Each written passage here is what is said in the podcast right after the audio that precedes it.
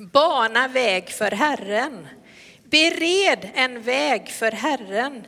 Lita på att Gud aldrig hoppas.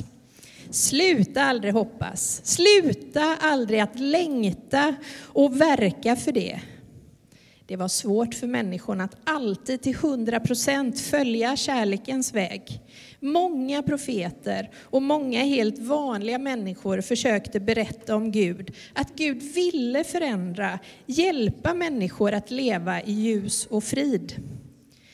Profeterna berättade, en dag kommer Messias komma.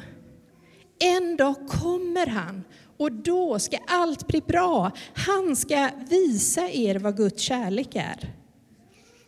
Den Messias som profeterna pratade om var Jesus som skulle födas. Jesus som är anledningen till att vi firar jul. Jesus hade en kusin. Han hette Johannes. Han var nästan ett år äldre än Jesus. Hans mamma hette Elisabet och hans pappa Sakarias. Johannes var en riktig tuffing. Brydde sig inte alls om vad andra tyckte om honom. Det sägs att han levde ute i öknen vid floden Jordan. Han åt vad naturen gav, såsom vildhonung, och han hade en väldigt enkel klädstil. Men mer än så. Han hade en kallelse att bana väg för Gud. Att förbereda människor på att lyssna på Jesus. Och han var riktigt vass.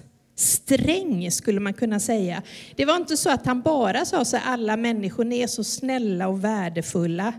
Utan han gjorde också människor uppmärksamma på att de ibland var egoistiska, handlade fel. Och han manade dem till att vända om till kärleken till Gud, så som profeten hade gjort. Och med sina ord så var han nästan överdriven för att människorna skulle fatta att han menade allvar. Vet ni, han kunde till och med kalla folk för huggormsyngel. Eller säga att ni är som träd som ska huggas bort om ni inte bär frukt och handlar i kärlek. Och han tog verkligen i Johannes. Och visst behöver vi det ibland, bli påminda om vårt samvete, om vår själviskhet, att vi inte bemött varandra schysst. Vi kan behöva lite motstånd och ibland höra någon som vågar säga ifrån när vi gör fel. Johannes var en sån person. Han ville hjälpa människor att vandra Guds väg. Han ville hjälpa människor att öppna deras hjärtan så att de kunde ta emot Jesus.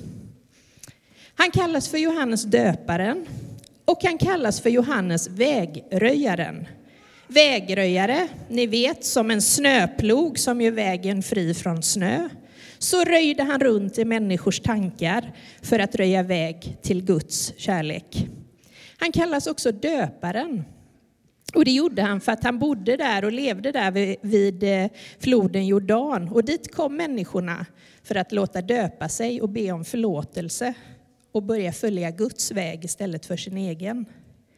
En spännande person helt enkelt, den här Johannes. En kändis från Nya Testamentet. Och jag har hört, han är på besök här idag. Välkommen Johannes! Det är ju en stor förmån att få ha dig på besök. Du var ju så viktig för att människorna skulle lyssna på Jesus när han väl kom. Det vi nu ska få vara med om är, har evangelisten Lukas skrivit om i sitt tredje kapitel, vers 1-15 som är dagens predikotext. Men innan jag ger ordet till Johannes, om jag nu vågar lämna över mikrofonen till honom, man vet ju aldrig vad han kan säga, så ska jag bara berätta hur Lukas gjorde när han inledde den här berättelsen om Johannes. För Lukas var väldigt noga med att återge det historiska sammanhanget. Och så här skriver han. Under femtonde året av kejsar Tiberius regering, när Pontius Pilatus var ståthållare i Judeen, Herodes tetrark i Galileen, hans bror Filippos i Itureen och Trakonitis och Lysanias i Abilie. Och när Hannas och Kajafas var överstepräster kom Guds ord till Sakarias son Johannes i öknen. Han begav sig till trakten kring Jordan och förkunnade överallt syndernas förlåtelse genom omvändelse och dop, som det står skrivet i boken med profeten Jesajas ord. En röst ropar i öknen, bana väg för Herren, gör hans stigar raka. Varje klyfta ska fyllas, varje berg och höjd ska sänkas, krokiga stigar ska rätas och steniga vägar jämnas och alla människor ska se Guds frälsning. Men det där känner jag igen, de orden. Ja, just det. Det var ju precis det som Jesaja sa. Jesaja som var här tidigare. Och nu är det Johannes som återger vad han har berättat där ute i öknen. Bana väg för Herren. När folk kom ut i stora skaror för att döpas av honom sa han till dem. Folket, kom fram nu här och lyssna på vad jag har att säga. Jag har faktiskt inte hela dagen på mig här hörni.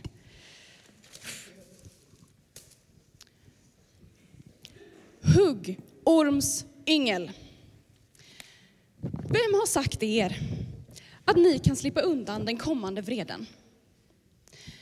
Bär då sådan frukt som hör till omvändelsen. Och börja inte säga er, vi har Abraham till fader. Jag säger er att Gud kan uppväcka barn ur Abraham, åt Abraham ur dessa stenar. Redan är yxan satt till roten på träden. Varje träd som inte bär god frukt ska huggas bort och kastas i elden.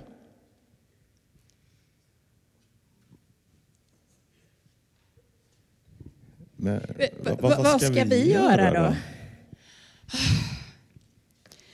Ja, till exempel, den som har två skjortor, den ska dela med sig till någon som ingen har. Ja. Och till exempel den som har två bröd, ja men den ska också göra samma sak. Mm, så är det. Men, men vad ska jag som tullindrivare göra? Ja, men ni tullindrivare, ni, ni ska inte ta in mer skatten än vad som har fastställts. Men, men vi då, vi soldater, vad ska vi göra? Ja, men, ni soldater, ni ska inte gå runt och hota folket och använda våld för att få in pengar. Ni klarar er på er lön. Ja, och fortsatt. Den som är stark nog att lyfta för två, ja, men den får hjälpa den eh, som är svag och behöver hjälp och inte klarar av och går under av tyngden. Och den som har kunskap, kunskap nog att hjälpa den som behöver lära, ja, den får lära ut sin, av sin kunskap. Så det är så.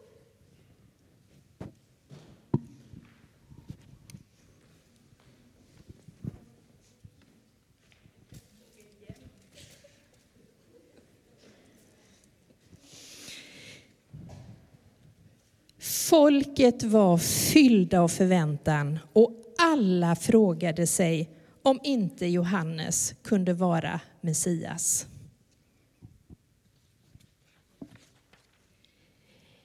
Men det vet vi, att Johannes inte var Messias. Men han förberedde människorna på att ta emot Jesus, som var den verkliga Messias. Och nu är det vår tur. Det är inte Jesajas tur och det är inte Johannes tur, utan det är vår tur som sitter här i kyrkan idag att bana väg för Gudsriket på jorden. Att bana väg för ljuset, freden, vänskapen, kärleken. Vi får göra det i smått och i stort. Igår delades Nobels fredspris ut till tre företrädare för organisationer som mitt i krig kämpar för fred och mänskliga rättigheter. Tre pristagare från tre länder i svårigheter, Belarus, Ryssland och Ukraina. Det är inte alltid lätt att bana väg för det goda, men tillsammans med varandra får vi kämpa. Vi människor i Equmeniakyrkan Lerum idag kan precis som människor i andra delar av världen och i alla tider ha problem. Känna att vissa saker är hopplösa, känna oss rädda, oroliga för klimatet, freden, hälsan och framtiden. Jesus vill trösta oss och hjälpa oss att finna ett hopp och samarbete med varandra. Den här julen kan vara en tuff tid för många med skenande elpriser, matpriser, räntor och annat. Kanske är det vår egen familj som är drabbad. Vår granne, vår kompisfamilj, vår släkting eller en familj på flykt som har Sverige som fristad under en tid av krig och oroligheter i sitt hemland. Vi får hjälpas åt att dela vår skjorta, dela vårt bröd. För det är det som Johannes vägröjaren lär oss, att det alltid är rätt och gott att dela med oss av det vi har. Vår tid, vår omsorg, vårt engagemang, det vi äger och har. Och nu så ska vi få vara med och göra det genom dagens insamling till församlingen.